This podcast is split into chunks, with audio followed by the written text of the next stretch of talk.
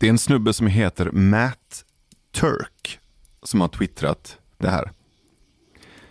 Chat GPT is clearly the child of immigrants because they keep forcing it to be a doctor or a lawyer when all it wants to do is creative writing and hallucinating.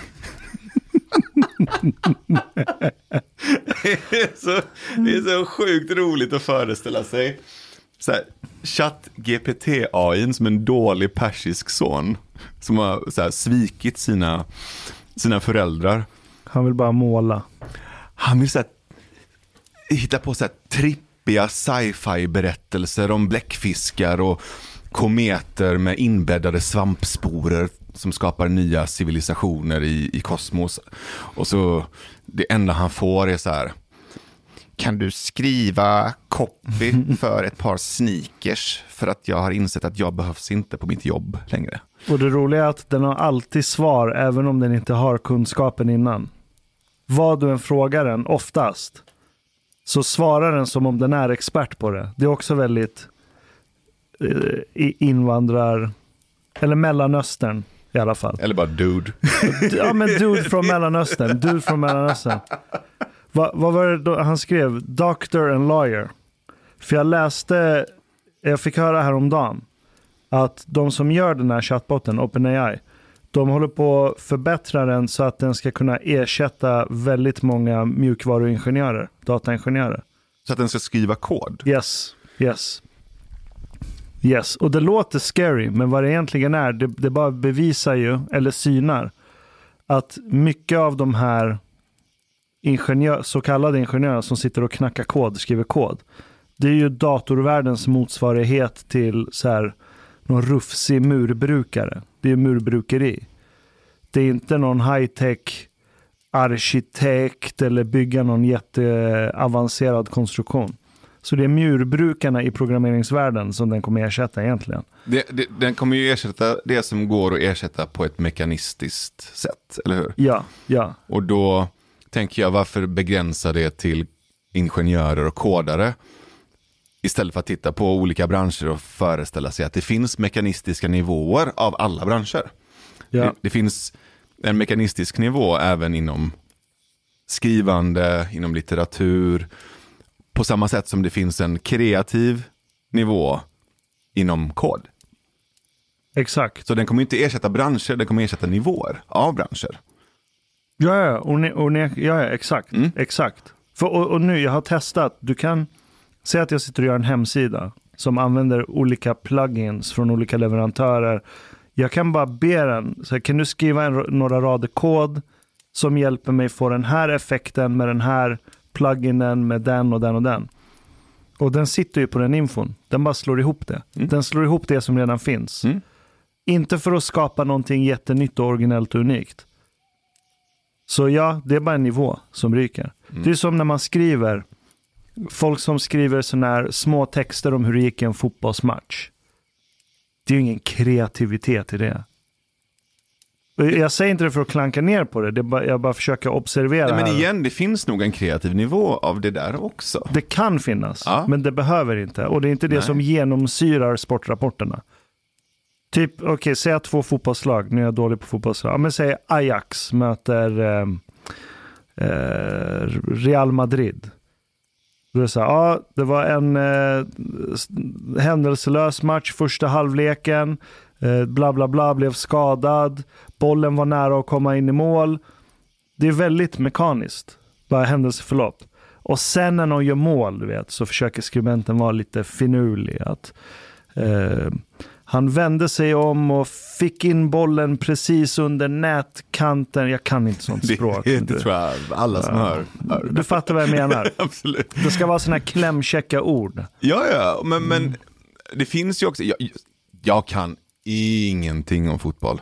Jag är way out of my League, men jag vet att det finns fotbollskommentatorer, ikoner, legender som är kända just för att de har en väldigt egen röst och ett väldigt eh, annorlunda sätt att beskriva händelseförlopp på. Så att folk lyssnar ju på de kommentatorerna för att de vill mm. lyssna på just den kommentator. Jag menar att det finns kreativa nivåer, möjliga kreativa nivåer och disruptors i alla branscher och sektorer. Sen kan inte jag någonting om fotbollsvärlden. Du kan ju inte så mycket om det heller. Det kanske är just därför vi inte har koll på dem. Jo, men jag, jag var fotbollsnörd för länge sedan. Ah, okay. ja, när jag ah, gick i okay. typ högstadiet. Ah. Då var jag riktigt inbiten fotbollsnörd. Men kommentator är tal också. Det är inte skrift. Så det är mycket mer som kommer Sant. in. Det finns fler dimensioner av kreativitet där. Det är sant. Och när jag sitter, vi skojade om det, du och jag, om den här eh, Nick Cave-incidenten. Ja. Att det är ett fan, eller en person, jag vet inte ens om det är ett fan till Nick Cave, men det är en person som har bett ChatGPT AI att skriva en låttext som Nick Cave. Och sen skickade den här personen den låttexten till Nick Cave och sa att den var skriven av en AI. Och Nick Cave blev jättearg. Men Lisa Nilsson, hon blev ännu argare. Så den svenska vispopsångerskan eh, och under covid i riksdagen protesterande kulturarbetaren. I riksdagen också? Ja, men hon klev ju upp i riksdagen under covid Mhm. och var jätte, jättearg. Ja, ja. Och sa att hur ska jag som, jag parafraserar nu, hur ska jag som kulturarbetare klara mig? Jag har inga gigs, eh, jag, jag har svårt att få lönen att gå runt. Eh, Och stod och var väldigt besvärad över att eh, ja, men det var tufft för hennes bransch, för hennes yrkesgrupp. Så hon la upp den här Nick Cave-grejen och var också lika rasande, om inte mer rasande än Nick Cave. Att hur understår du dig att tro att en AI kan skriva lyrik som Nick Cave? Alltså, det är en svinbra låttext. Som en AI har skrivit. den är fett bra. Och den är väldigt mycket Nick Cave. Ja. Och det är så gulligt att han reagerar ju precis som människor har reagerat i alla tider på förändring, speciellt när förändringen drabbar en själv. Han, alltså, han är, han, han, ur ett mänskligt perspektiv så är han on-brand. Men verkar inte se det själv, vilket är ganska... Vad, vad menar du att han har on-brand? Han är mänsklig. Alltså att, Aha, aha. att han blir förnärmad, kränkt, eh, irriterad, arg. Det är ju för att han någonstans blir rädd för att tänk om, tänk om det här på riktigt betyder att, att jag inte behövs. Men istället för att erkänna det på ett sårbart sätt så slår han ifrån sig och går in i försvar. Liksom. Det är därför Lisa Nilsson reagerar också, för hon har samma position. Okej, Och- ta- ja förlåt. Nej men bara så här. Med tanke också på att Nick Cave har ju, har ju varit en person som ofta experimenterat mycket. Varit väldigt mycket i framkant och använt ny teknologi och testat sig fram. Och nu plötsligt blir en sån där, eh, du vet, försvara vävstolen, bränn ner symaskinsfabrikerna, revolutionär. Um, som, som vill stå i vägen för förändringen och vill eh, kanske då förbjuda eller liksom protestera mot det här nya. Istället för att så här, fundera på vad, vad är möjligt. Det är, det är jävligt intressant med just Nick Cave för att han har ju aldrig haft problem, precis som du säger, med att transcendera sitt eget sound. Du, du, vet, du har de här musikerna som har spelat gitarr och trummor och bas sedan de var små. Och så kommer någon med synt och dator och de bara, det där är inte riktig musik. Det ska vara strängar och man ska kunna använda fingrarna och händerna och du vet den typen. Och så är de emot all musik som går att göra på en dator. För att det ska vara så kallat live och äkta och det måste vara riktiga instrument. Det måste vara fysiska instrument. Du har de typerna. Nick Cave är inte en sån typ. Nej. Han har gjort om sitt sound jättemånga gånger. Han har inte varit rädd för att ta in elektroniska element i sin musik, flippa ur, göra helt sjuka saker. Så där har inte teknologin varit ett problem. Men när det kommer till orden som yttras in i micken från hans mun. Där går hans gräns. Det är där gränsen går. Varför? Varför just när det kommer till låttexterna? För att det är inte en fråga om sound det här. Och det är inte en fråga om instrument. Utan roll. Om den här chatt-GPTn kan skriva text. Så vad ska vi med Nick Cave till? som textförfattare. Om en annan AI sen kommer in och börjar utifrån den här texten, som en text-AI har hittat på. Utifrån texten som text-AI har hittat på så kommer en annan AI, som är en producent-AI, som kopplas ihop med massa olika instrument-AIs. Har du ett band. Vad fan ska Nick Cave där göra? Så det handlar inte om att ersätta, det, det, det är inte en soundfråga längre, det är inte en instrumentfråga. Utan det är rädslan för att inte överhuvudtaget behövas längre. Jag tror sätts igång i honom. Det är det jag menar med att det är mänskligt. Ehm, um, Nick Cave sitter där och bara fan, Nick Cave behövs inte längre. Och det som är så roligt är att han har ju rätt. Nick Cave behöver dö. Har han verkligen rätt då? Ja. Här är inte du och jag överens tror jag. Okej.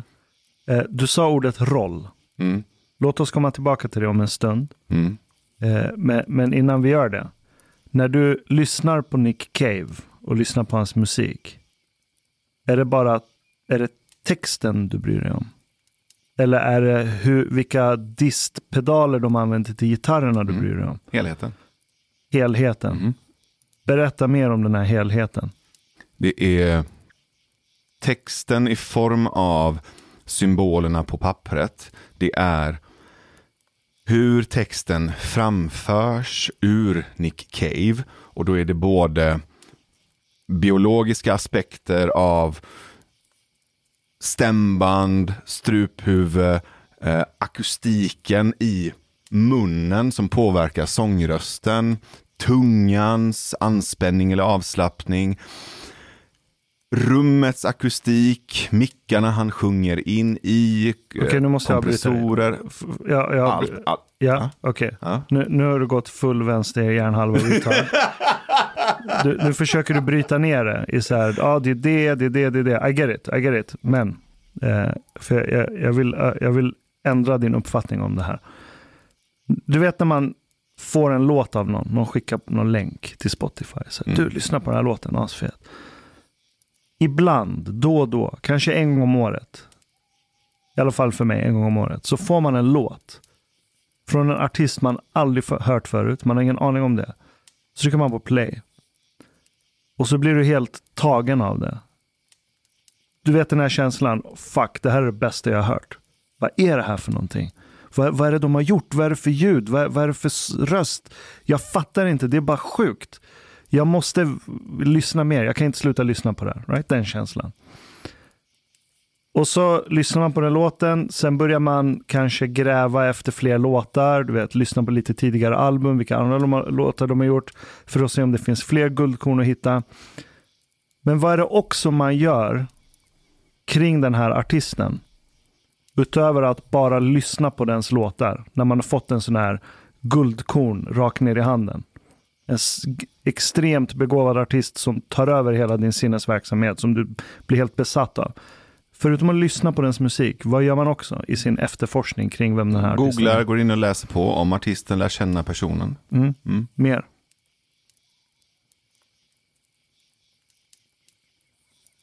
Du läser på. Den är född här, den Mm. gjorde det, det, det. Mer. Vad är det mer för intryck av den här artisten som du får in? Du tittar på den på Yes. en video Du, kanske? exakt. Exakt. Mm. Du vill se hur den här personen ser ut. Mm. Och det är sällan, eller jag skulle nästan säga aldrig, där man hör en låt, blir helt besatt av den, säger wow, det här är det bästa jag har hört. Och så får man se personen på en video framföra den här låten. Då blir man aldrig besviken. Den kan göra vad fan den vill på den här videon. Du blir helt tagen av det. Bara, wow, Mm. det här är så unikt, det är så avantgarde, det är så, den bryter mot allt jag tidigare sett. Det där blir en del av din upplevelse av när du lyssnar på den här låten.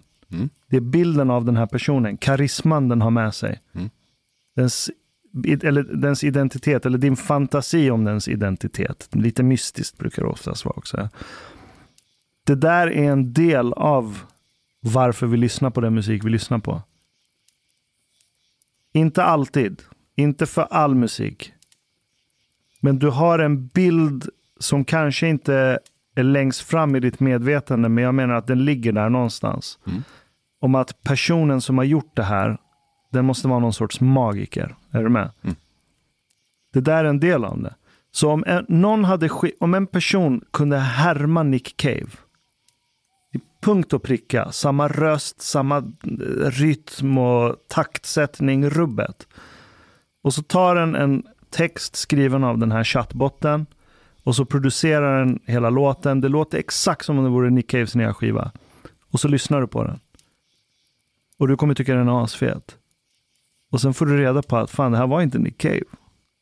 Det här är bara någon random så här, musiknörd som sitter hemma på sitt rum och har bara iscensatt allt det här. Hade du fortsatt lyssna på den låten? Jag säger nej. Förmodligen inte. Mm, du sa att du skulle ändra min uppfattning. Vilken tror du att min uppfattning är? För jag tror inte jag har sagt den. Okej, okay, att... Ja, men att Nick Cave är död. Bara för att det finns en chatbot som kan göra hans texter. Ja, men vad menar jag med det? Att Nick Cave behöver dö. Att han behöver återuppfinna sig själv? Exakt. Okej. Okay. Nick Cave som Nick Cave är idag fram tills nu och som tror sig veta vem Nick Cave är i en värld som Nick Cave uppfattar. Hela det paketet behöver dö. Och ju längre Nick Cave försöker hålla kvar i den gamla Nick Cave så kommer det snarare bli som ångest och frustration och, och projiceringar och försvar. För att han försvarar den gamla Nick Cave. Den gamla Nick Cave behöver dö. För att möjliggöra den nya Nick Cave.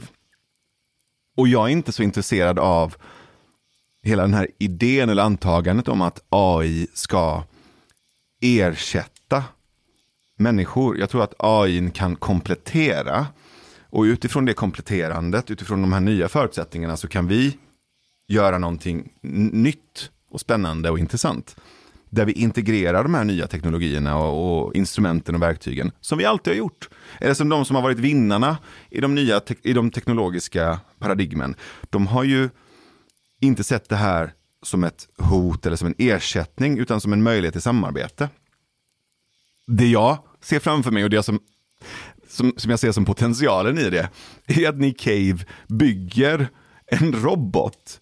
Alltså en, tänk en robot byggd och designad av Nick Cave. Som är Nick Cave? Nej, inte, inte som är Nick Cave, mm -hmm.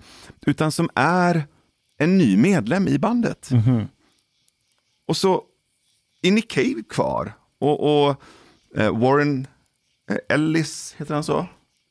Hans jag har inte koll på de andra. Producentpolare är kvar. och alla de vännerna som är med och sjunger och håller på, eh, Marianne Faithful och alla de här olika mystiska mörka karaktärerna han brukar bjuda in till olika samarbeten. De är också kvar. Men så plötsligt så har du en jävla robotbandmedlem som kan bidra med, med nya lager, nya funktioner, nya som element till musiken. Det är ju det som är potentialen, det är ju det jag är nyfiken på. Och det är ju det jag inte ser att Nick Cave fattar eller ser som en, som en inbjudan eller som en möjlighet. Fan, det vore ju ashäftigt med det första hybridbandet med både människor och maskiner. Eller människor och AI. Och jag menar, ett instrument är ju också en maskin. Alltså det Bob Dylan gjorde när han gav sig ut på sin första Englandsturné var att han började spela elgitarr.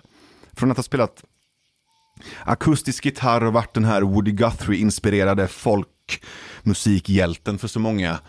Och sen åker jag till England och spelar elgitarr på hela den turnén. Alltså han fick så mycket skit.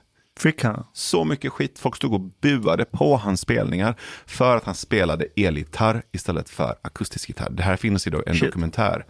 Uh, tror det är Martin Scorsese-dokumentären. Uh, way, uh, long way home. Något sånt heter den. Ja. Min poäng är att det här är en ryggmärgsreflex som vi behöver liksom kunna tänka bortom. Eh, som Kahneman säger, vi behöver koppla till system 2 och tänka längre, större och inte mm. i så överlevnad, rädsla, eh, som svullen amygdala som reagerar på det som ett hot, utan mer så här, hmm, okej. Okay. Hur skulle ett eh, ett AI-inkluderande band se ut.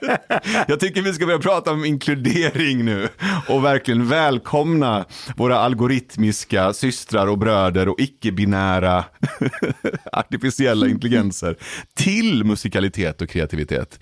Jag tror det finns en enorm potential till en allians här. För att, kolla här. Vad är kreativitet? Alltså processen, den kreativa processen. Om du och jag här och nu, som Navid och Ashkan skulle börja skriva en låt, skriva text och göra musik och sen slå ihop text och musik. Då är ju det en kreativ process som filtreras genom oss. Allt det vi gör, oavsett om det är text eller musik, baseras på datapunkter som vi redan har lagrat i oss. Right? Och det är kombinationen av de datapunkterna filtrerat genom, genom oss i ögonblicket som är den kreativa processen och sen ut ur det kommer resultatet. Om vi inte har några som helst erfarenheter, om vi inte har någon som helst data eller information eller intryck att utgå ifrån, som vi sen i en kreativ process kan väva ihop till musik eller film eller whatever. Om vi inte har någonting att bygga ifrån, finns det då ens en kreativ process? om kreativitet är liksom korsning och kombinationer av det oväntade. Okej, okay, varför skulle inte en algoritm eller en AI kunna göra en liknande process, jag ser inte att den är identisk, en liknande process av kombinationer och korsningar. Okej, okay, här är min invändning mot det. Det här, det här har vi pratat om förut, någon gång, kommer inte ihåg när. Men att artisten, den börjar ju med att identifiera en känsla. Det, eller det här är min take. Du, du behöver inte hålla med mig. Jag tror inte det är många som håller med mig på det här. Men om jag som artist, säger vi, eh, musiker, eh, upptäcker en känsla som är väldigt distinkt. Typ känslan av att leva i en dystopi som är i, vad vet jag, krig med en annan galax och så måste jag joina någon rebellforce för att göra revolt mot de här den känslan kan jag återskapa om jag är en duktig artist. Genom till exempel en sång eller musik. Eller genom en dikt om jag är en riktigt duktig poet. Men jag börjar med känslan. Det är en känsla jag vill återskapa när jag sitter och gör musik.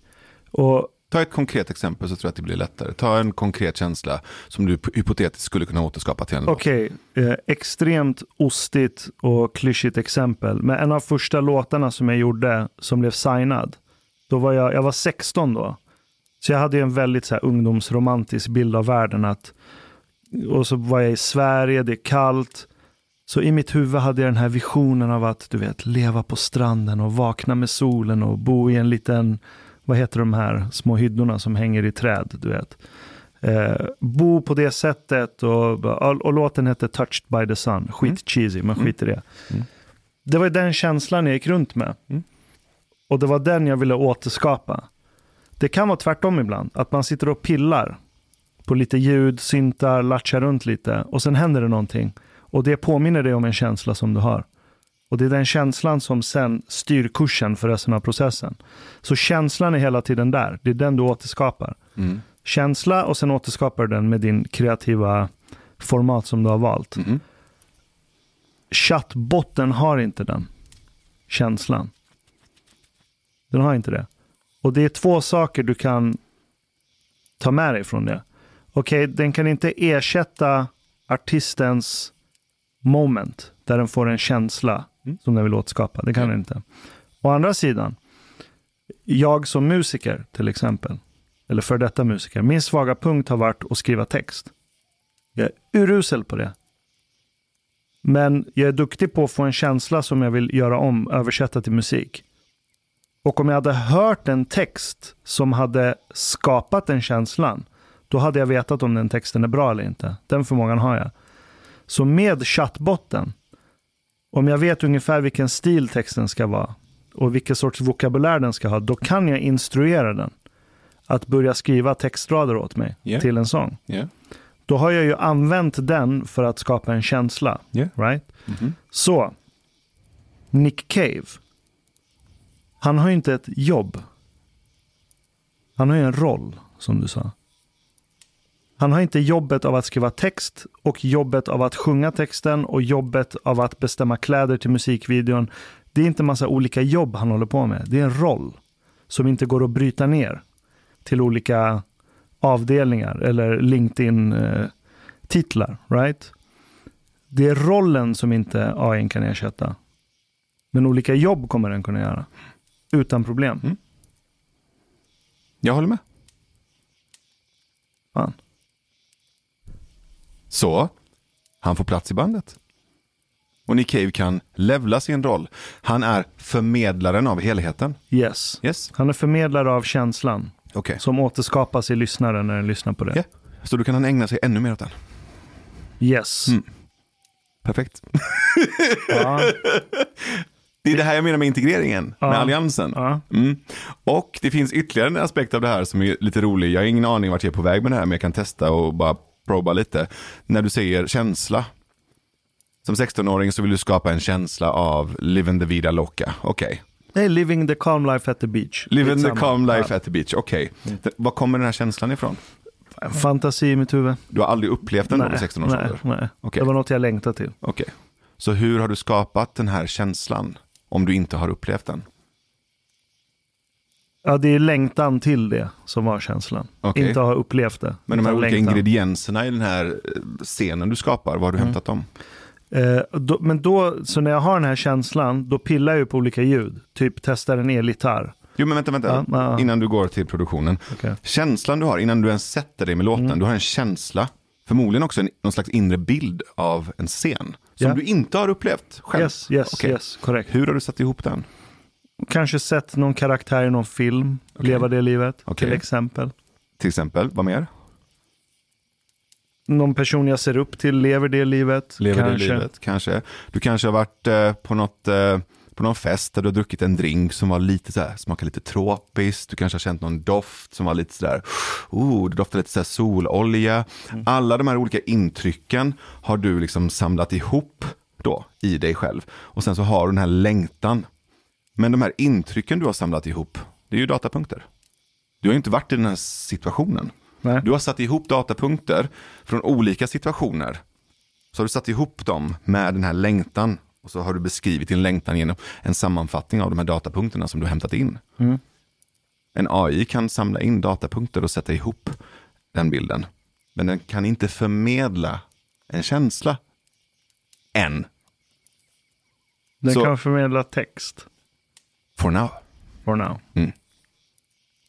Så det den kan göra är ju precis som den delen av dig som kan samla ihop en massa datapunkter och sen sätta ihop en situation som du inte har upplevt. AI kan ju göra samma sak. Den har ju inte upplevt de här situationerna som den sen sätter ihop. Så där är ni lika. Sen finns det någonting. Nej, men vänta. Nej, stopp här nu. Jag håller inte med där. För att när, om jag ser en film där en kar- ja, men det var, jag tror, ja, jag vet vilken film det var till och med.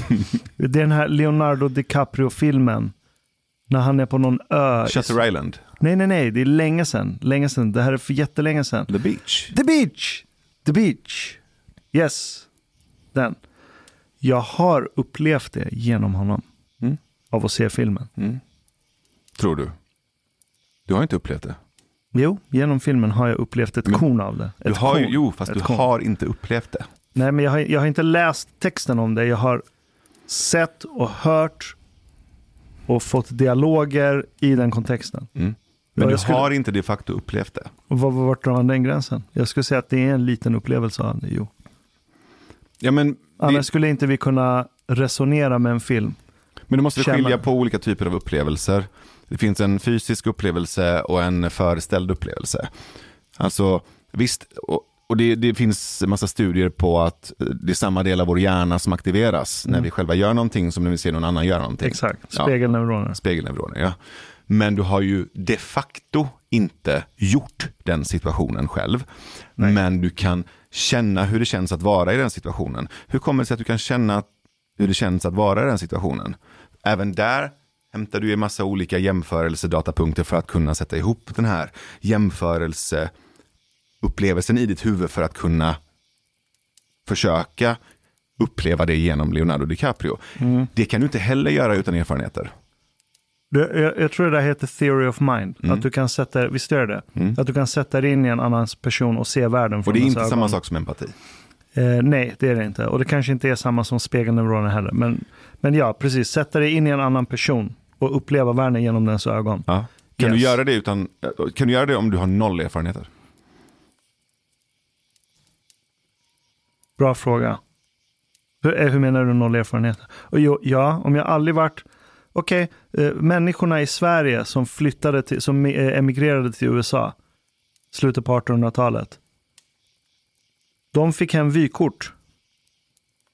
Där det var en bild på någonting som skedde i USA som lockade många dit. De hade ingen erfarenhet av Och det. vad var det? Vadå, vad var det? Vad var det på bilden? Men det kunde varit någon så här fin stuga, någon gård, mark som Ja. de kunde odla. Du har erfarenhet av mark, av hus, av familj. Okej, du menar så. Ja, jag har erfarenheter av att vara människa. Jo, men om du aldrig hade sett ett hus eller upplevt att vara i ett hus, om du aldrig hade upplevt konceptet mark, du är född i luften utan boende. ja. Ja, precis. Ja, och så ser du en människa i, i, i ett hus, med ett hus och så ser du mark. Du kommer inte alls kunna skapa samma typ av känsla Nej, och upplevelse. nej, exakt. Det stämmer. Så det byggs på datapunkter och erfarenheter. Exakt. Mm. Och en semantisk chatbot kan inte dela de erfarenheterna. Den kan inte ha erfarenheten av att vara på mark. Eller inte vara på mark. Den har inte erfarenheten av doften av solkräm, vilka minnen den väcker i en människa. För att den kanske åkte på sin första utlandssemester när den Ja. var liten. Ja. Men den har ingredienserna för att sätta ihop en sån bild om du instruerar den rätt. Den bilden blir inte precis som din bild som både är datapunkter, upplevelse och känsla. Men det blir en sammansatt bild på en mer mekanisk nivå. På semantisk nivå. Semantisk nivå, mekanisk nivå. Men det är ju det jag menar med att det är inte att ersätta. Och jag, igen, det är inte det jag tror är grejen. Ah, okej. Men det är det jag tror triggar rädslan, att vi tror att de ska ersätta. Vi tror det. Egentligen är det inte så långt ifrån, du vet, när det kommer hit nya in- invandrargrupper och tar våra tyckarjobs. kommer hit och tar våra jobb. Det är judar, det är iranier, det är greker. De kommer hit och tar våra jobb.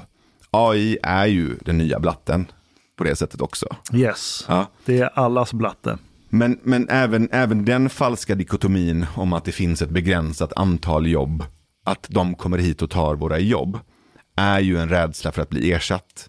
Yes. Men det är en falsk uppställning, falsk dikotomi. Det är inte som att det är ett minussummespel. Fast om, om du är mjukvaruutvecklare idag, men du är på låg nivå, du sitter och knackar kod. Men det är väldigt banalt det du gör. Det är bara att det, det, det, det är en högre tröskel för att komma in i den världen. Så det är inte så många som sitter på den infon. Därför kan du tjäna pengar på det. Så i ditt huvud så har du ett jobb och i ditt huvud har du en roll. Du tror att du har en roll. Men det där jobbet som du gör, det är bara en, den är bara en förklädnad av en roll. Det är ju vad den här chattbotten synar, att så här, du har ingen roll. Mm. För att, att inte ha en roll, det är att vara ersättningsbar. Mhm. Det är det roll egentligen, Exakt. vad det handlar om. Ja. Du kan inte ta bort rollen Hamlet ur Shakespeares pjäs som handlar om Hamlet. Hamlet har inte ett jobb, han har en roll. Mm. Right? Så när den här chattbotten kommer och kan knacka kod minst lika bra som de här lägsta nivå mjukvaruutvecklarna, då har ju de blivit de facto ersatta. Deras jobb har blivit ersatt. ja. Right? Och, det, och AI blir en spegel där du ser dig själv och inser att du är banal. Och inte har en faktisk roll. Och där kan du antingen streta emot, försöka kriga emot eller försöka döda den här ersättaren. Eller så ser du det som en möjlighet att, att faktiskt levla och skaffa dig en, en roll som spelar roll och inte bara är ett jobb. Som kan bli ersatt av en maskin. Så sluta vara en maskin. bli ännu mer människa. Så tänk om AIns möjlighet till oss är att vi kan bli ännu mer mänskliga. De kan ta ännu mer av det maskin, maskinella. Vi, vi tvingas bli ännu mer mänskliga Det- i automatiseringens förlängning. Exakt, det är Ja. exakt när, när du sa spegelbilden, att den här chattbotten. Som dyker upp och så sitter jag där som eh, kodknackare på låg nivå, mjukvaruutvecklare. Jag har kunnat fakturera tre lax i timmen för att bygga någon webbsite för någon desperat jävel som inte vet hur man gör. När jag tittar på mig själv i spegeln efter det, då ser jag den här roboten. Right? Jag ser inte mina mänskliga lemmar, jag ser bara en maskin där. Det är ju det den synar. Mm. Och den känslan, den känslan, om jag skulle säga till den här andra AIn, Midjourney, som genererar bilder utifrån textinput.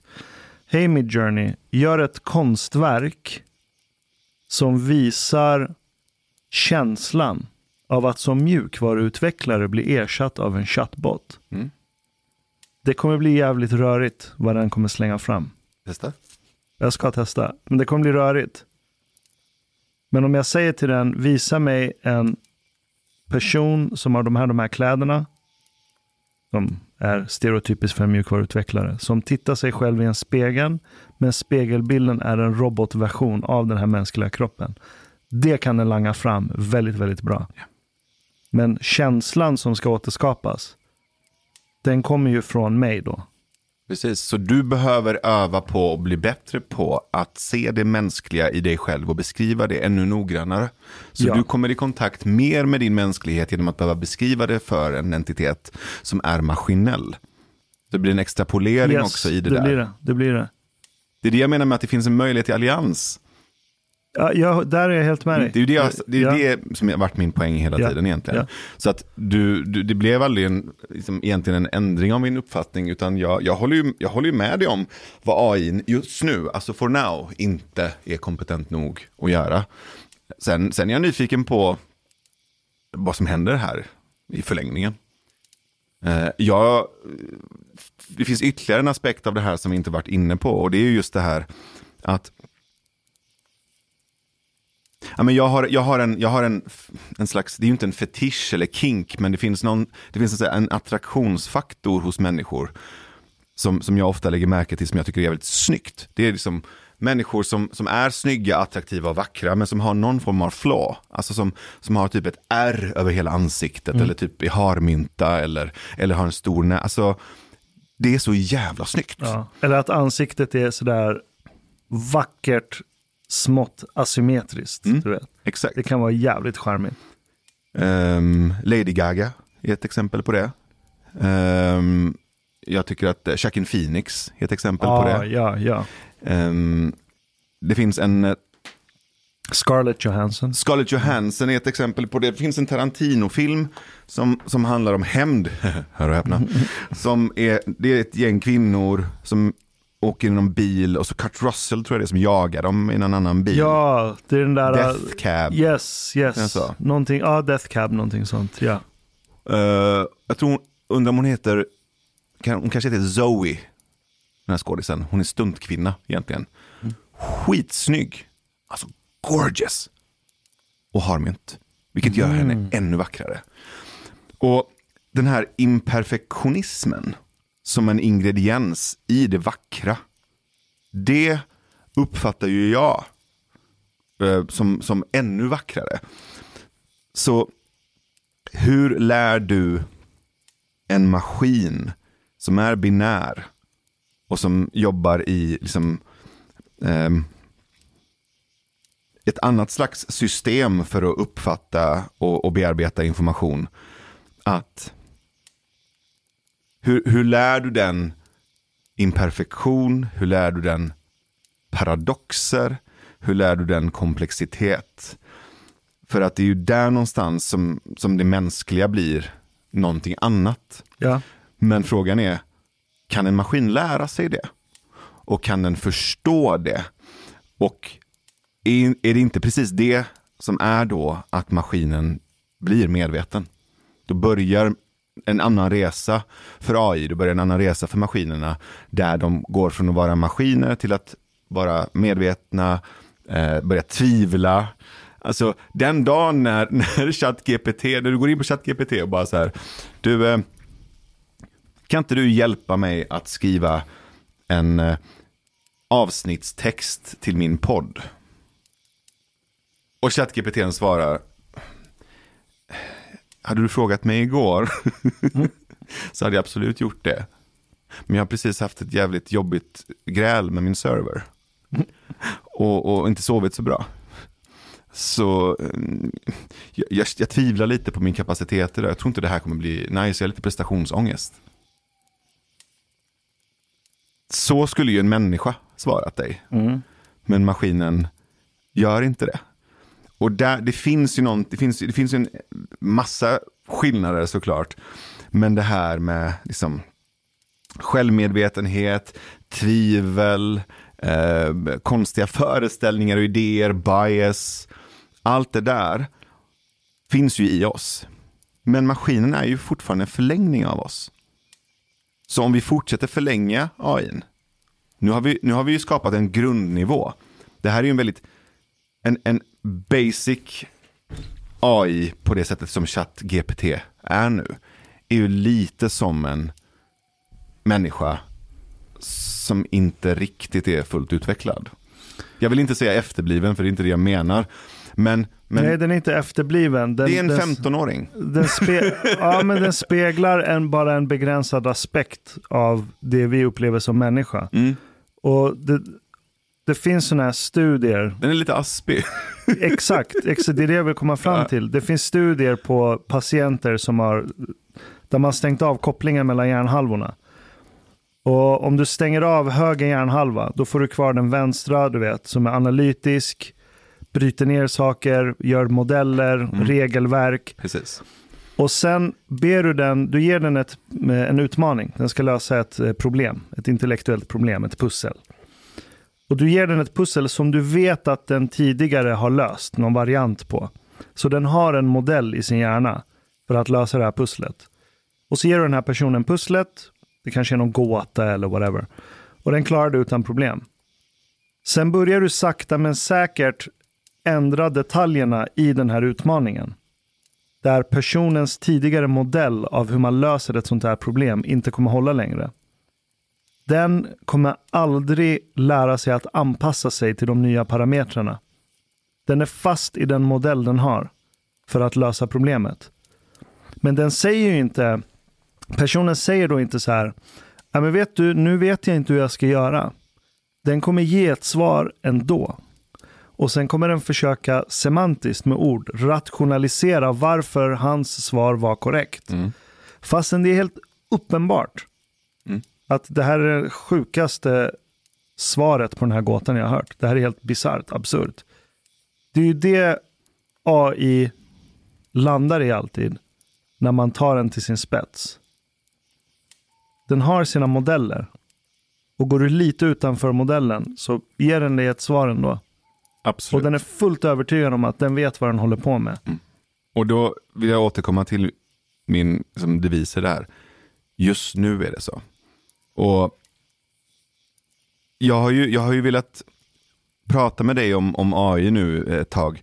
För att intuitivt så känner jag att här finns en koppling till det här som vi har pratat ganska mycket om med höger och vänster hjärnhalva, du vet syn och hörsel, västvärlden och alla våra institutioner som springer ur vårt eh, isärplockade alfabet med 28 symboler och hur vår eh, västerländska civilisation är ett uttryck för det. Men det började i den här språkteknologin. Ja. Och att det då genom syn har förstärkt tiltningen till vänster hjärnhalva. Ja. Okej, så använd det som grund för det vi kan prata om nu och försöka utforska eller undersöka tillsammans. Okej, vilka... Om du fick vara fördomsfull, vilken typ av person sitter och programmerar en AI-algoritm? Ja, men, den stereotypiska autisten. Ja, Om vi ska hårdra det. kulturellt, etniskt. Ja, en västerlänning. Okej. Så det vi ser idag och det vi kallar AI, det är en förlängning av den västerländska språkteknologiskt framsprungna tiltningen till vänster hjärnhalva genom den yttersta hjärnhalvefantasten i vår civilisation, nämligen eh, den autistiska datanörden. Ja. Det är de som har programmerat. Så att det vi ser nu är bara vänster hjärnhalva av AI. Höger hjärnhalva har inte programmerats än. Ja, för, för principerna bakom hur en dator funkar, det går ju ända bak till 1800-talet. Man kan säkert spåra det ännu tidigare. Men det är vänster hjärnhalva? Det är vänster hjärnhalva. Ja. Det, det kommer från väst. Ja. Visst, idag så finns det eh, östasiatiska länder som bygger mikrochip och Men grejer. på ett västerländskt sätt. På ett västerländskt sätt, exakt. Men principerna för vad en dator är och vad den ska kunna klara av. Mm. Jag tror en av så, knytpunkterna, det är Babbage, heter han, Charles Babbage, på slutet på 1800-talet. Att den här maskinen kan lösa, kan räkna ut vilket problem som helst. Mm. Så där har du redan premissen att om vi bara räknar tillräckligt mycket så kan vi lösa vilket problem som Ja. helst. Det är vänster hjärnhalva som snackar där, right? Mm. För att räkna på någonting, det är en modell. Mm. För att göra sense, make a sense av världen. Och kod är språk. Ja, exakt. Det är språk, det är maskinellt, det är syntax. Mhm. Och det ska vara väldigt nedbrytbart. Och det är ett vänster hjärnhalvespråk just nu. Ja, och alla komponenterna och alla underliggande principerna i alla AIs vi har idag, de bygger ju på ett så kallat vänster hjärnhalve vy av universum och världen. Är du med på vart jag är på väg? Ja, att Mm. universum och världen är matematisk. Så om vi bygger ännu mer matematiska apparater så kan vi lösa alla stora problem och få ett medvetande.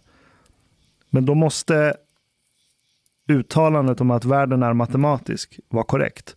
Annars kan du aldrig med matematik bygga en maskin som blir medveten på samma sätt som vi människor. Exakt. Det är där du kommer landa. Så vad är koden för höger hjärnhalva? Vad är algoritmen för höger hjärnhalva som kan komplettera algoritmen för vänster hjärnhalva? Då plötsligt har du medveten AI, eller möjligheten till någonting annat, för då finns det två. Och när det finns två så finns det också en möjlighet till dialektik. Finns det inte just nu. Ja, och det är just det att Och då finns det möjlighet till paradoxer, kontraster, tvivel, allt det där som uppstår i dialektiken mellan två. Ja, och det är det att det, det är nog inte en kod vi är ute efter här. Nu, du Jag- använder det som Jag metafor använder det i bara. brist på Ja, annat, för jag, jag vet, inte. Jag har ingen vet. aning om vad det skulle vara. Mm. Men det där intresserar mig jätte- jättemycket att, att börja tänka på det. Och det här har jag ju lärt mig av dig, att tänka på det ur de termerna och bara just det. AI, det vi kallar för AI idag, det är ju bara, det är bara vänster. Ja, Mm. och den bygger på samma premisser som vänster hjärnhalva har uppfunnit i väst. De här grundantagarna som vi bara tar för givet. Och jag har ju lärt mig det här av en, en fysiker som heter Lee Smolin. Jag, och jag, jag är helt ny på den här resan, men han har slaktat min skalle. Totalt rakt upp och ner. Nice. Det är he hela min uppväxt som naturvetare och PhD. Han har bara punkterat hela den ballongen. Men vad? Totalt. Och han själv har gått igenom den resan. Han, eh, och han är ingen sån här fringe fysiker som sitter och gör YouTube-videos. Det är liksom, han är high grade up there i det här stora kriget om kvantfysikens framtid. Han Men- är där. Men vad är nålen han har punkterat din ballong med? Så om jag använder hans egna ord, att ja, men sen han var liten och gick i skolan och gått på universitet och gjort sin initiala forskarkarriär som PhD och allt det här, så har han bara accepterat att världen är matematisk. Att matematiken är vägen till att förstå världen. Och sen har han insett att nej, nej, nej, matematik är en, det är ett jättegrymt verktyg, men förr eller senare kommer det vara en återvändsgränd. Och vi börjar närma oss den återvändsgränden. Ja. Inte för att lösa isolerade problem i en liten del av universum. Bygga en bro, bygga en maskin som till och med fusionskraft kanske vi kan lösa med mat- bara matematik. Maybe. Så ja, du kan göra sjukt mycket, obviously. iPads, datorer, rymdfarkoster som är ute i deep space. Ja, ja, missförstå mig rätt här. Men att det kommer vara en återvändsgränd. Mm. För att matematik, i matematik finns premissen om att tiden är en illusion. För när du gör en matematisk beräkning, då finns det en aspekt av att du har fryst tiden. När du bara ställer upp din ekvation, så finns det implicit att du kan frysa tiden. Tiden som illusion är inbyggd i matematiken. Ja visst, du har tidvariabel i dina ekvationer. Men tiden går att frysa, annars kan du inte göra matematik. Jag stötte ju på den här, Och så verkar inte universum funka, visar det sig nu. Att tid är grunden till allt. Tid är inte produkten av något annat, det är inte en illusion. Jag stötte ju på det här ifrågasättandet av det matematiska universumet när jag skulle ha prata med en svensk fysiker som heter Ulf Danielsson. Och då tittade jag på ett samtal mellan Ulf Danielsson och Max Tegmark. Och vet, Max Tegmark har ju skrivit en bok, jag tror till och med att den heter Vårt matematiska universum. Så det var ju en otroligt, men du vet, nördig och lekfull och, och kärleksfull debatt mellan två riktigt smarta nördar som båda är passionerade och du vet, gillar varandra. Men det var rått, liksom. Hög nivå. Och de här två sitter och diskuterar, så Max Tegmark representerar synen på universum som matematiskt, medan Ulf Danielsson vill flika in med en aspekt av universum som materialistiskt. Och, och sen är det diskussionen däremellan. Och det Ulf Danielsson gjorde då för mig var att börja titta på som ifrågasättandet av att universum är matematiskt. Alltså i sin grund, för det är ju det Max Tegmark säger. Han säger ju att vi har ju inte uppfunnit, vi har upptäckt matematik. Alltså det finns. Det är alltså en eh, solid som beständighet. Mm. Infrastrukturen i kosmos. Gud. Mm. Han är troende. Mm. mm. Så om du förespråkar ett matematiskt universum där matematiken är beständig och det är ett språk som finns som vi har upptäckt, du är egentligen eh, protokristen. Och det är ju det Ulf Danielsson går på honom om. Använder han de orden? Protokristen, ja. Ja. Fan, jag måste lyssna på den. Och, och, och protokristenheten kommer ju från att om du antar att världen är matematisk så finns det inbyggt i din premiss att det finns någonting i infrastrukturen av kosmos som aldrig kan förändras. Exakt. Så kallade lagar, naturlagar. Mm. En dimension utan förändring. Mm. Right? Det frusna. Yes. Och det är himmelriket i kristendomen. Yeah. Den perfekta världen. Yeah. För om den inte är perfekt, då måste den ju ändras och bli perfekt. Yeah. Och om den är perfekt, då behöver den inte förändras. Exakt. Så det är samma filosofiska premiss fast i teologiskt format. Mm. Och det är ju det Ulf Danielsson gör och det är därför jag tror Max Tegmark blir så triggad för att han tvingas ut ur sin kristna garderob. och jag är så här, what the fuck, jag visste inte ens att jag var här inne. Fan, jävla skit, jag trodde jag var vetenskapsman. Och, och, alltså, och det är han. Det är han också. Och han är triljarder gånger smartare än vad jag någonsin kommer bli på fysik och matematik. Tusen gånger. Och det här är inte äh, egentligen äh, ett samtal som leder till att ge Ulf Danielsson rätt. Nej, det är inte som att bara för att Ulf Danielsson speglar bristerna i Max Tegmarks äh, resonemang så betyder det inte att han har det ultimata svaret. Och, och, det är en filosofisk debatt de har. För det Tegmark gör, det är användbart för extremt många ändamål. Absolut, det är användbart. Yes. Men problemet är inte att Ulf Danielsson ifrågasätter matematiken som funktionell. Han ifrågasätter matematiken som universell. Yes. Två helt olika saker. Yes. Och det han menar då är att Ulf, eller Max, du kan ta av dig de matematiska glasögonen och så kan du ta på dig de materialistiska glasögonen. Och det finns en massa andra glasögon du kan ta på dig. Universum är inte någonting. Och det Ulf sen börjar prata om och det han skriver om i sin bok som var, det var, jag tror att det var min motsvarighet till den mindfucken som du kanske går igenom nu. Det var att när du står och tittar på universum så uppfattar du universum beroende på vem du är och var du står. Mm. Så att han påpekar filtret och filtrets påverkan på det du tar in. Det är åt det mekluanska hållet. Att sinnesfiltreringen eh, utifrån som din mänskliga kropp och din hjärna, alltså de olika eh, sinnena du använder för att heter det, mediera verkligheten. Mm. Ja, det påverkar verkligheten som innehåll. Precis som tvn påverkar programmet som du tittar på så påverkar människan intrycken som hon tar in och sen förmedlar till andra människor. Och när jag satt och pratade med Ulf så, så fick jag en tanke och den kanske är helt åt helvete och, och superflummig och radikal. Men tänk om matematik är ett av kodspråken i våra hjärnor.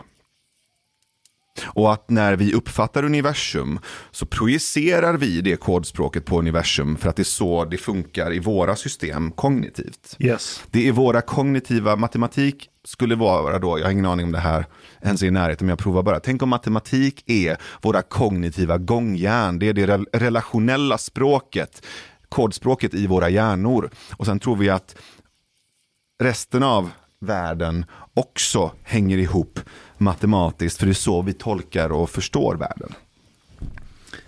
Ja, och det tycker inte jag är långsökt. Samtidigt som man ja, men, eh, behöver komma ihåg bland annat två saker. Ett, duktiga matematiker, det är inte bara vänster hjärnhalva som jobbar. Så du, du behöver tänka på komplexitet, helhet, koppla ihop Oh, ja. saker. Absolut. Eh, Men också att vår hjärna är kosmisk. Den befinner sig i kosmos och består av det som kosmos består av. Absolut. Så även om den ger en vinklad eller filtrerad eller en begränsad vy så finns ju aspekter av kosmos i vår skalle. Absolut. Så, men att just den matematiska kretsen i vår hjärna, att bearbeta världen på, att den ska sitta på svaret, det är en stort jävla hopp. Ja, och Det är det är en jävla skillnad på universum innehåller matematik och universum är matematiskt. Exakt. Mm. Men samtidigt förstår jag varför vi har ramlat i den fällan. För att det du kan skapa rent funktionellt med hjälp av matematik, det är ju magi. Så första gången du höll i en iPhone, det var ju häxkonst. Det är Mm. alien-teknologi. Det är magiskt. Det är det, riktigt grym ny teknologi. Den är ju magisk. Oh ja. Du blir golvad av det. Så det är såklart när vi blir golvade av teknologins magi som bygger på matematik. Det är inte så konstigt att vi tänker att ja, men matematiken, det måste vara någonting magiskt med det. Och det är det. Inte ovetenskapligt Nej, magiskt. Det är men- magiskt. Jag, ja. jag, alltså, tro mig, jag, jag, jag om någon tycker matematik är ren och skär magi. Jag är så otroligt fascinerad. Häromdagen ramlade jag in i ett ordentligt kaninhål när jag hittade ett YouTube-klipp Eh, där det var en ungersk fysiker som hade börjat ifrågasätta en, en eh, matematisk eller geometrisk idé om att ehm, om, om, om olika naturliga former. Och idén man hade tidigare var att det inte finns några naturligt geometriska former som uppträder i naturen av sig självt eh, systematiskt som innehåller färre än två ekvilibriska balanspunkter. Vad betyder det? Ehm, ja, men till exempel den här muggen har en ekvilibrisk stabil yta som den nu står på. Men om jag skulle lägga den här så kommer den rulla och då är det en ekvilibrisk ehm, instabil yta. Aha, så om den står still? Eller? Det är en ekvilibrisk stabil yta. Okej. Och där när den rullar eller rör sig framåt och tillbaka, gungar, Ja. är en ekvilibrisk instabil yta. Okej. Jag vill bara lägga in en brasklapp här att jag förklarar det här kanske jätteopedagogiskt men det är för att det är superkomplext. Jag kan ingenting om geometri men blev så fascinerad av det här. För att det han sen bestämde sig för att göra var ju att nej men fan, jag ska hitta eh, ett sätt att ehm, jag, ska hitta, jag ska hitta en geometrisk form i naturen som uppträder på ett annat sätt än vad den här idén förespråkar. Och då började han titta på alla stenarna på en strand så här i flera dagar och bara leta efter stenar som, som hade en annan uppsättning av ekvilibriska ytor. Och till slut så hittar han den här formen, han kallar den för gumbuk, tror jag. Gumbuk. Mm. Och det är en form som har en Ja, precis. Den har en stabil ekvilibrisk yta och en instabil. Så det finns en som den kan stå på och en som den kan rulla på. Resten av ytorna har ingen eh, ekvilibrisk balans överhuvudtaget. Okej. Så typ som en cylinder. Den kan stå och den kan rulla. Ja, fast cylindrar uppträder inte på det sättet i naturen. Nej, nej, det finns inga cylindrar i naturen, Men han hittade vad jag förstått. en ja. återkommande Okej, form. Och det är den här han kallar för gumbuk. okej. Han hittar den i naturen där den framträder naturligt. Gissa var? Det är hos ett djur. Aha. Mm. Ingen aning. Sköldpaddor. Sköldpaddsskal. Hey. Sköldpaddsskalet under till. Platt. Ja. Eller hur? Och så har du den här lilla kullen som, som ryggen då. Men det finns också en skåra i mitten. Mhm. Okej? Så det, du har en stabil ekvilibrisk yta och en instabil. Så om den ligger på ryggen då är det den här instabila ekvilibriska. Precis. Och varför tror du att den har en instabil ekvilibrisk yta på ryggen? För att om den ramlar på rygg då kan den gunga sig tillbaka och flippa över. Exakt, så det är det som är funktionen. Ah. Mm, så det är den han hittar. Så att fascinationen och magin i, i matematik, geometri är, är alltså helt fantastiskt. Att kolla bara på bikupor som är byggda på hexagoner. Som är den mest effektiva formen för att rymma så mycket innehåll som möjligt på ett så energieffektivt sätt som möjligt. För att det ser du om du sätter ihop en massa såpbubblor så börjar de inuti sig själva skapa hexagoner för de börjar dela väggar med varandra. Och det är så du bygger en bikupa. Matematik! Hur häftigt? Ja, Så det är magiskt. Men det är ju det är inte det Ulf Danielsson ifrågasätter. Ulf Danielsson ifrågasätter eh, den här universi- universaliteten i det. Så här, universum är matematiskt. Um, och, och det funkar ju inte så, det faller ju. Um, med tanke på att det finns så många exempel som matematiken inte kan förklara. Det finns så många exempel på där matematiken blir motsägelsefull, inte paradoxal. Eh, så det, det kommer tillbaka till det här med universella lagar som vi varit inne på tidigare också. Ehm, det är så här, bortom allt det här så kommer upp en fråga som är så här, varför tror du att universum skulle uppträda på ett sätt som ryms i din lilla fucking skalle? Alltså universum! Universum är under universum. Vad är det som gör att du och jag tror att det ska rymmas i våra små processorer? Överhuvudtaget, allt det vi möjligtvis kan greppa och förstå, det är en pytte, pytteliten, liksom, mm, en liten nagelbit i våra huvuden som vi kan greppa. Och att tro att det är universellt, eh, alltså att det är universum, att matematik är universum eller att materialism är universum. Båda de två är ju för små.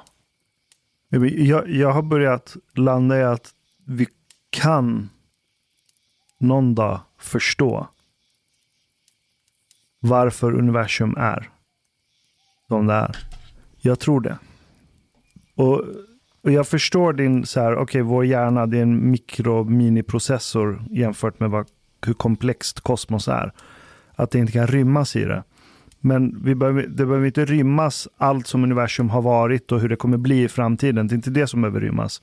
Utan bara den grundläggande principen som universum agerar efter. Den tror jag vi kan nå. Vad är skillnaden på grundläggande princip och lag Där? För att, bara för att du förstår principen betyder inte att du kan förstå vad som kan uppstå av den här principen. Right? Ta evolutionär teori. Det är en princip. En princip för vilket håll, vilken riktning den här processen tar sig. Men hur utfallen blir, det kan ingen förutspå. Du kan få alla möjliga konstiga, sjuka varianter. Helt absurda. Så det, det, det du pratar om nu, det är som evolutionsteorin funkar. Eh, det vi vet är ju hur den funkar utifrån observationer här på jorden. Ja, Okej, så om det i en annan galax på en annan planet skulle uppstå en, en total motsatt princip som är en devolutionsteori som uppstår i samma universum. Då, då har du ju en Ja. möjlig motsägelsefullhet eller en möjlig paradox, men det uppstår i samma universum. Ja, men det, okej, det är ju förutsatt att vi hittar en devolutionsteori på en planet någonstans. Men å andra sidan, evolution är ett fenomen i universum. Så den borde ha med sig saker som är underliggande i universum. Är du med på vad jag tänker? Biologi är ju, eller evolution, är ju en produkt av universum. Så i I en evolutionen, viss del av universum också. en viss del av Ja. universum. Så den borde spegla universum På ett visst sätt. På, exakt, en viss del av universum viss på ett del. visst sätt. På ja. samma sätt som våra hjärnor speglar universum på ett visst sätt. Exakt. Vårt medvetande är en produkt av kosmos. Mm. Det är också en spegling av universum Mm. på sitt sätt. Mm. Men okej, får jag ta dig till, genom ett kaninhål här?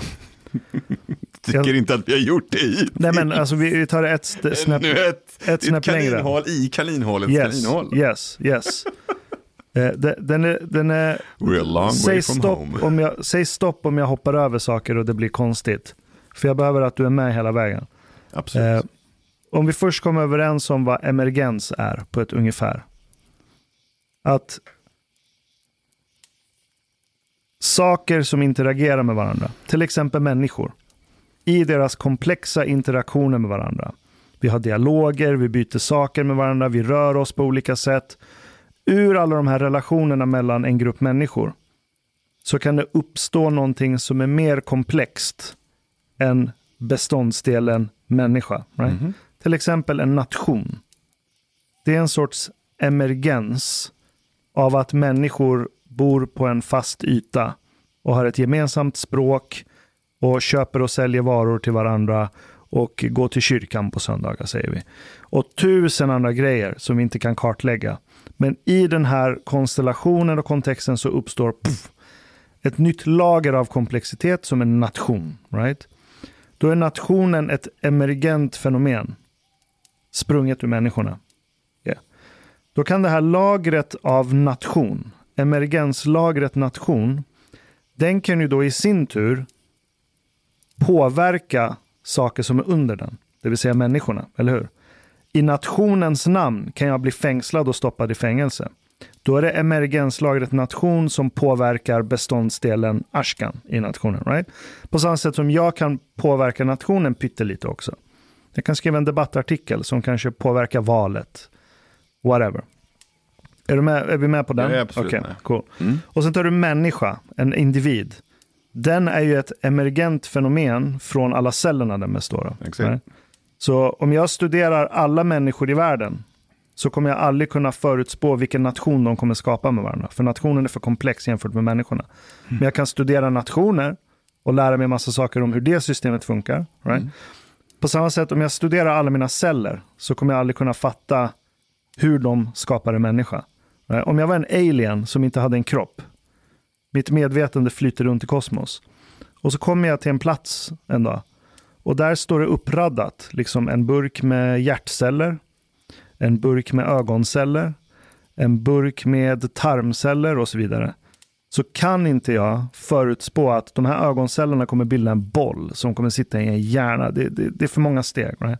Så människan är emergent relativt cellerna den består av. Cellen består av ännu mindre saker, right? DNA, cellkärna, mitokondrier, bla bla. Så cellen i sig är emergent relativt beståndsdelen den består av. Och beståndsdelarna i cellen är emergenta relativt DNA som kodar dem. Right? Och så går det bara djupare, djupare, djupare neråt, neråt, neråt, neråt. Shit, DNA, det är en emergent fenomen från atomer och molekyler som interagerar med varandra. Fuck! Okej, vi studerar molekylerna lite mer. Ah, molekylerna är emergenta från atomer. Helvete! Atomerna, vi, vi zoomar in mer. De är emergenta från eh, elektroner och kvantpartiklar och bla bla. Okay. Här kommer mindfucken. Och det, det är den här Lee Smolin som har mördat min hjärna. Att rymd, alltså avstånd, space. Vad är det bästa ordet för space på svenska? Rymd. Utrymme. Utrymme. De här tre dimensionerna vi upplever som ett utrymme. Right? Avstånd och så här. Att space, utrymme, rymd i sig är ett emergent fenomen från underliggande strukturer som vi inte har access till. Den har slaktat mig totalt. Mm. Att om jag kryper ner några nivåer ytterligare i komplexiteten av kosmos så finns inte rymd där. Nej. Rymd uppstår som en komplex system eller komplext fenomen av att det är massa andra saker som interagerar med varandra under det. Mm. Så rymd är bara någonting vi upplever. För vi människor är ju en produkt av rymd. Först måste ju rymd finnas för att du ska få atomer. Så vi, vi kommer alltid vara fast i emergenslagret rymd med våra kroppar. Det finns inget inget. Det verkar som att det inte finns inget, inget. Precis. I det här liksom ihopkopplat med, med mysteriet och samtalet om mörk materia. I, i, dels det, men också Nobelpriset i fysik. Att en partikel som är på ena sidan universum, om jag observerar den, så påverkar en partikel på andra sidan universum. Mm. Och det går emot Einstein. Mm. För det betyder att de kommunicerar med varandra snabbare än ljusets hastighet. Mm. Det finns inga avstånd. Som Precis. vi ser dem.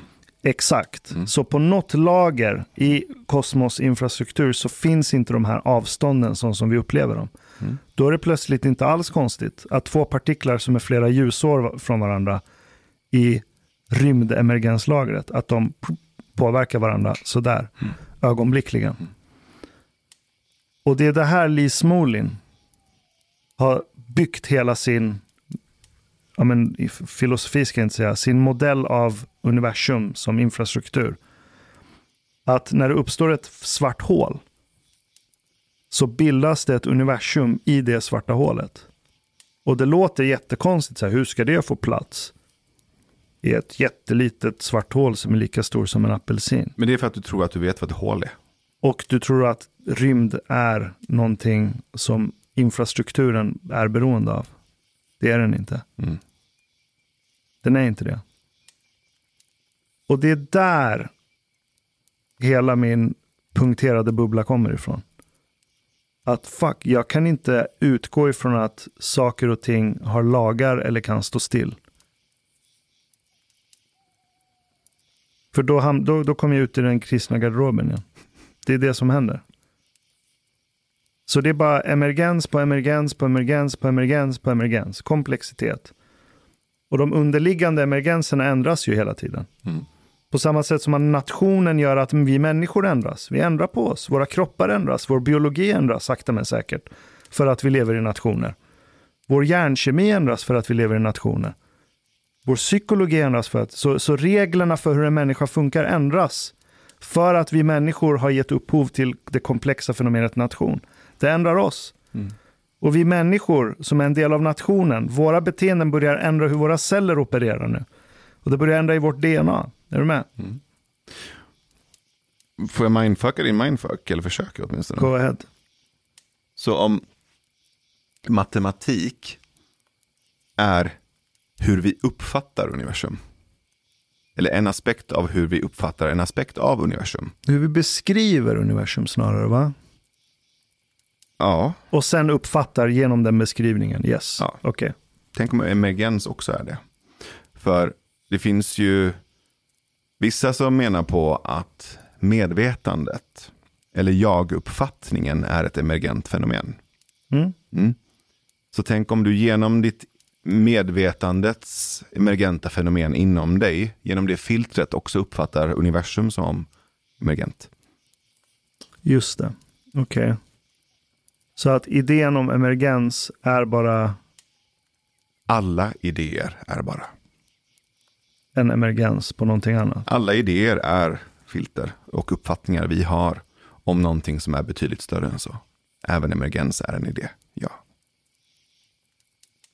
Men ha, lam, landar inte du i den Jesus matematiska garderoben nu? Nej, tvärtom. Jag menar på att det inte finns en gud. Jag menar på att det inte finns någonting i universum som är Ruset. universellt eller fruset. Mm. Jag menar på att det inte finns någonting beständigt. Jag menar på att det enda beständiga är det obeständiga. Jag Ja. menar det enda vi vet är att vi inte vet. Jag menar att det enda vi kan vara säkra på är att allting är osäkert. Det är de paradoxerna som jag tror är åtminstone en möjlighet till ett kikhål för att förstå någonting om de bakomliggande principen. Ja, men det, det är någonstans där jag tror jag är också. Att okej, ingenting är stilla, allting rör sig. Alla lager under oss, alla lager av komplexitet som ligger under oss, som vi inte ens kan se access på, de ändrar på sig sakta men säkert också. För de påverkas av ovanliggande och underliggande lager av emergens. Pang, pang, pang. Så allt påverkar allt. Allting ändrar på sig lite grann hela tiden. Så långt var jag med dig. Jag menar på att du kan inte förstå universum. Nej, jag kommer aldrig förstå och få den här uh, pusta ut och bara, ah, okej, okay, now it makes sense. Det, det är dödfött tror jag. Det, det, det, det, det tror jag inte heller vi kommer landa i. Men principen tror jag vi kommer ändå kunna förstå. Mm. Ja, och, ja, kanske. Och jag tror bara att det vi tror är sättet vi kommer förstå det på inte är det vi tror. Och det kommer inte handla om att förstå eller om jag och du. Men någonstans längs med vägen kommer mysteriet att uppenbara sig på ett annat sätt. Men det kommer inte vara genom ett jag, genom en greppbar förståelse eller uppfattning. Utan på ett annat sätt än vad vi kan föreställa oss. Men universum som ett evolutionärt system, är inte det den insikten som är på det här sättet vi aldrig kunde ana? Men om vi aldrig kommer kunna ana så kommer vi aldrig kunna ana det heller. Om universum nu är universum så kommer det inte vara greppbart för oss människor. Jag tycker det är greppbart. Ja, men det är klart, alltså, det, det, det är förmodligen en, en... Om nu det skulle visa sig vara sant. Nej, men jag tror att det är viktigt att du tror det. Mm. För annars så kommer du behöva låsas in. Aha. jag tror att det är en överlevnadsmekanism. Tror du det? Ja. Jag kan ha helt fel. Men jag tror inte att vi är gjorda för att greppa det mysteriet. Och jag tror att det finns en poäng med det. Men jag är också öppen för, och vi kommer tillbaka till emergens, eh, förståelsen, förståelse är fel ord, men upplevelsen av universum kommer snarare att komma till oss på ett emergent sätt genom någonting, någonting större. Kanske, kanske det kan ske genom en mer kollektiv intelligens, antingen mänsklig eller mänsklig och maskinell i någon slags helig, ohelig allians. Så kanske vi kan uppleva det. Är det inte det vi håller på med nu? Där du har åtta miljarder pers, jättemånga sitter och klurar på sin lilla grej och så slås det ihop. Mm. Och också ironin att om vi inte hade upptäckt matematik hade vi aldrig kunnat dra det till sin spets mm. för att landa här mm, och inse att okej, okay, tack för den här resan. Yeah. Vi behöver gå vidare med någonting annat yeah. samtidigt. Det, det, det, bygger ju på det också. Exakt. Det bygger på det. Precis, och där måste vi igen komma förbi den falska dikotomin som har eh, spelat sig i det här fallet mellan Max och Ulf. Det är så här, ni har båda fel för ni har båda rätt. Att det, både det matematiska och det materialistiska är aspekter av en viss del av universum. Men ingen av er har rätt. Och om man då, och det där är bara två aspekter. Right? Du har det matematiska och du har det materialistiska genom två personer som råkar leva just nu. Om du skulle koppla på alla perspektiv, inte bara genom de människor som lever nu. Utan om du kopplar på alla perspektiv, idéer, filter, modeller samtidigt för alla människor som någonsin har levt och lever idag och koppla ihop det på så många nivåer som möjligt. Inte bara utifrån ett intellektuellt eller rationellt perspektiv utan utifrån så många aspekter som möjligt. Det är då jag tror det finns en liten, liten möjlighet att få det här lilla, lilla kikhålet att förstå den bakomliggande principen. Men då sker det kollektivt, både här och nu och över tid, genom att koppla ihop de här olika perspektiven och intelligenserna. Och det jag föreställer mig då, det är att istället för att bara ha Max Tegmarks samtida begränsade matematiska glasögon eller Ulf Danielssons begränsade materialistiska eh, kikare där han står på sin kulle och försöker ta in det materialistiska universumet. Om du lägger på alla de här glasögonen samtidigt. Och så tänker du dig att det är glasögon som tillsammans bildar en sfär av glasögon. då, då, då ryms det mer. För du kan titta på det genom så många olika seriekopplade glasögon som möjligt. Säg nu att det istället för glasögon då är ja, men filmkameror. Men tänk om det är en massa glasögon som har fel. Då fuckar de upp bilden. Vi måste ta bort de som är fel, Ja, absolut. eller hur? Och, och, det, och det, Så Einsteins brillor måste bort förr eller senare. ja. Men du ser inte att de är fel om du inte sätter upp fler glasögon. Nej, Det är det. tack vare fler glasögon Ja, okej. som du kan se vilka som är fel. Så det ingår, självsaneringen finns i den processen tror jag. Och det är ju därför den, liksom, den vetenskapliga diskursen över tid är så otroligt värdefull. För det handlar ju inte om att hitta den som har rätt. Det handlar om att hitta så många olika perspektiv och idéer som, möj som bara möjligt går för att kunna självsanera de som är helt dysfunktionella och fel. Men också skapa en, en större eh, som möjlighet att, att undersöka och registrera från så många olika håll och kanter som möjligt. Både utifrån och kanske inifrån och maskiner och människor och hybrider. Och alla de här kopplingarna mellan de här olika delarna möjliggör i sig ett emergent fenomen som är uppfattningen av universum genom oss. Tills det kommer ett paradigmskifte. Ja, vilket förmodligen kommer precis när vi tror att vi har lagt den sista pusselbiten och sen så sprängs allt. Men det är det vi gör. Till slut kommer en pusselbit där vi blir så här, fuck, Ja, allt det här var fel. ja, Och så trashar vi det, ja. mer eller mindre.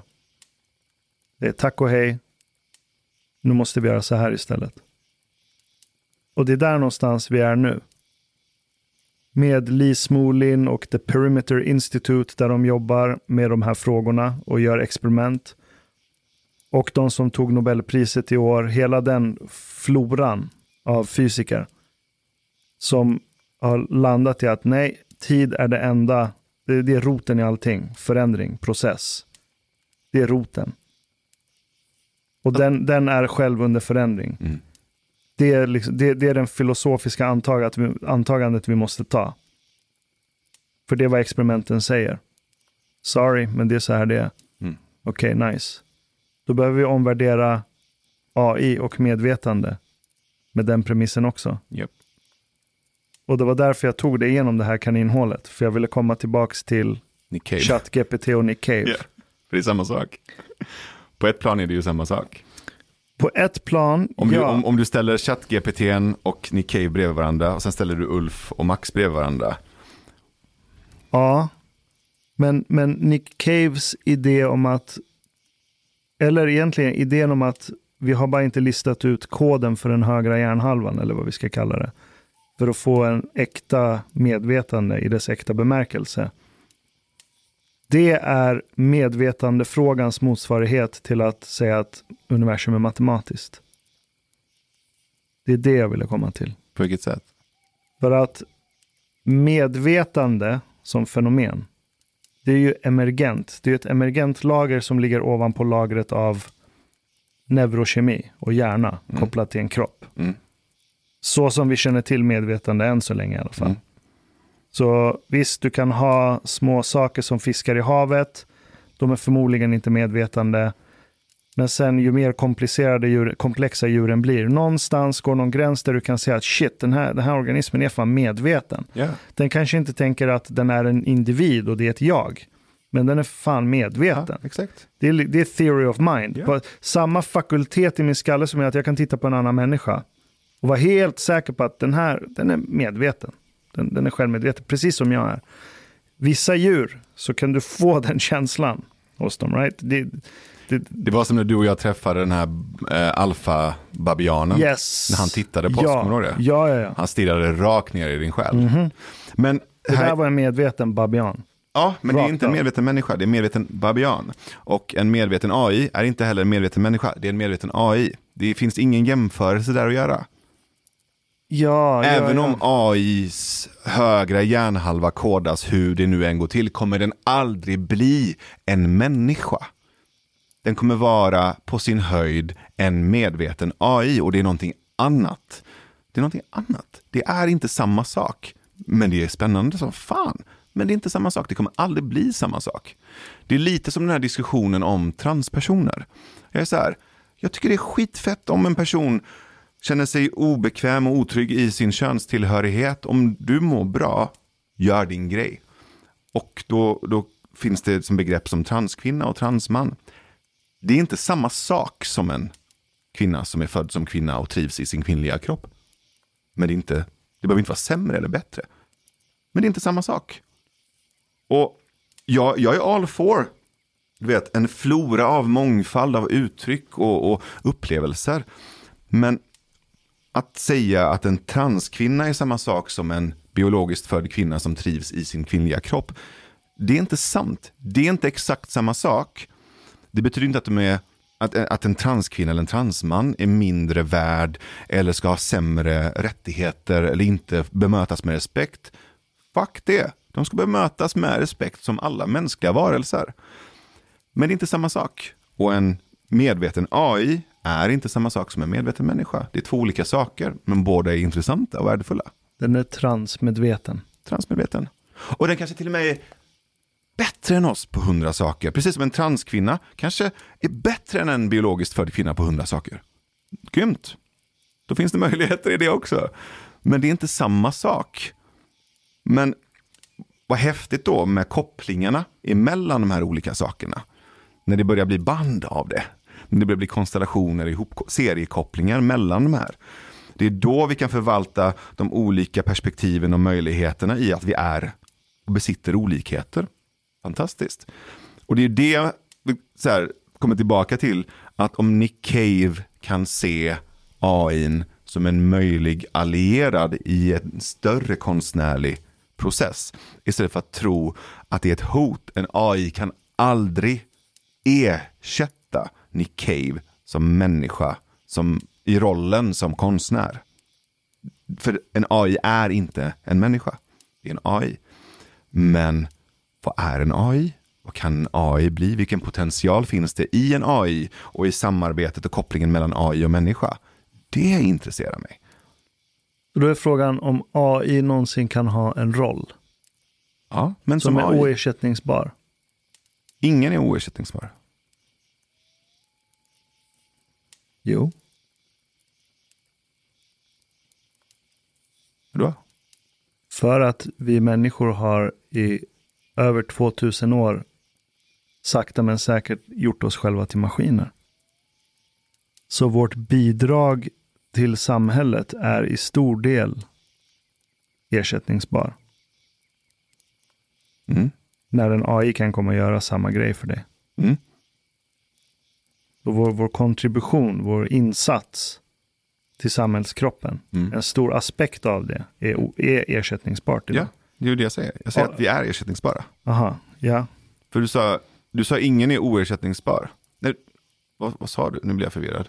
Jag sa att en AI kan aldrig ersätta en roll. Men den kan ersätta ett jobb. Ja, absolut. Så om du har byggt din, män, din, ditt människoliv på att ha ett jobb, så är du fullt ersättningsbar. Absolut, jag håller med. Men, men din relation till din familj till exempel, Mm. det är inte ett jobb. Eller för vissa är det det. Det är en roll. Ja, men det är en roll. Mm. Det kan inte heller en AI ersätta. Nej. Men den kan ju ersätta olika funktioner som är maskinella för att påminna dig om att du inte är en maskin. Vilket gör dig potentiellt ännu mer mänsklig. Och det är ju det som, det är en av potentialerna, tror jag, i AI. Så låt AI göra allt det mekanistiska, allt som går att automatisera och hjälpa oss att bli ännu mer mänskliga. Det är ju en fantastisk möjlighet. Nick Cave kan bli ännu mer kreativ. Han kan bli ännu mer konstnär. Ännu mer mystisk. Han älskar ju mystik. Bra. Djupdyk. Ännu mer Nick Cave. Han kan bli ännu mer Nick Cave. Exakt. Genom att maskinen speglar de delar av honom som är för, förutsägbara och som går att automatisera. Ehm, och jag menar visst, vi har ju speciellt i västvärlden börjat genom med massa olika tänkare och filosofer och sen genom industrialismen börjat men behandla oss själva och varandra, våra relationer, våra känsloliv som produkter. Vi har kommodifierat och produktifierat våra liv. Tänk om AI kan göra det, ta över allt det. Och vi kastas igen ut i frågan, vad är en människa? Jag hoppas att det är det, det är en av sakerna det leder till.